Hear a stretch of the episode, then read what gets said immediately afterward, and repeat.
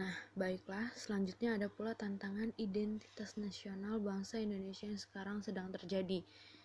Yang pertama ada lunturnya nilai-nilai luhur dalam kehidupan berbangsa dan bernegara. Yang kedua ada rasa nasionalisme dan patriotisme yang luntur dan memudar atau bisa disebut juga lebih mencintai dan menghargai bangsa asing.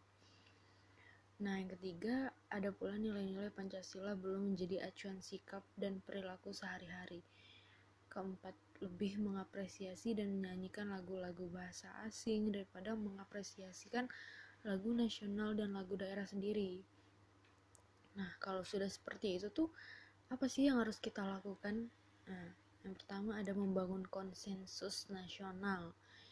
Yang kedua ada membangun dialog antar kelompok agama, etnis dan kelas kelas sosial.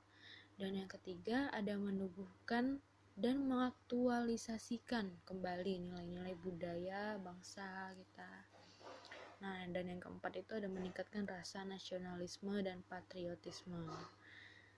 Oke, baiklah. Sekian dari kelompok 2. Wassalamualaikum warahmatullahi wabarakatuh.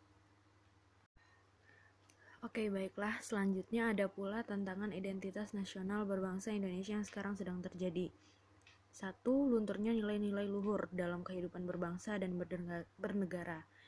Kedua, ada rasa nasionalisme dan patriotisme yang luntur dan memudar atau bisa disebut juga lebih mencintai dan menghargai bangsa asing atau bangsa lain, negara lain daripada bangsa sendiri gitu.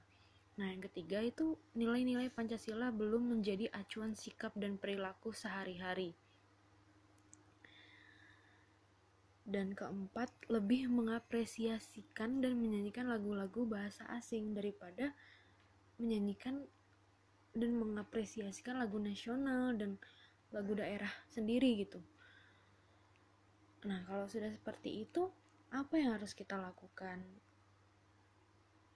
Ya, yang pertama ada membangun konsensus konsensus nasional.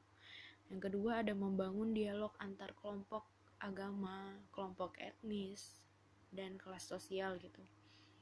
Dan yang ketiga, meneguhkan dan mengaktualisasikan kembali nilai-nilai budaya bangsa. Jadi kita meneguhkan kembali yang nilai-nilai budaya bangsa itu seperti apa. Yang keempat, yang terakhir itu ada meningkatkan rasa nasionalisme dan patriotisme. Oke, baiklah sekian dari kelompok 2. Wassalamualaikum warahmatullahi wabarakatuh.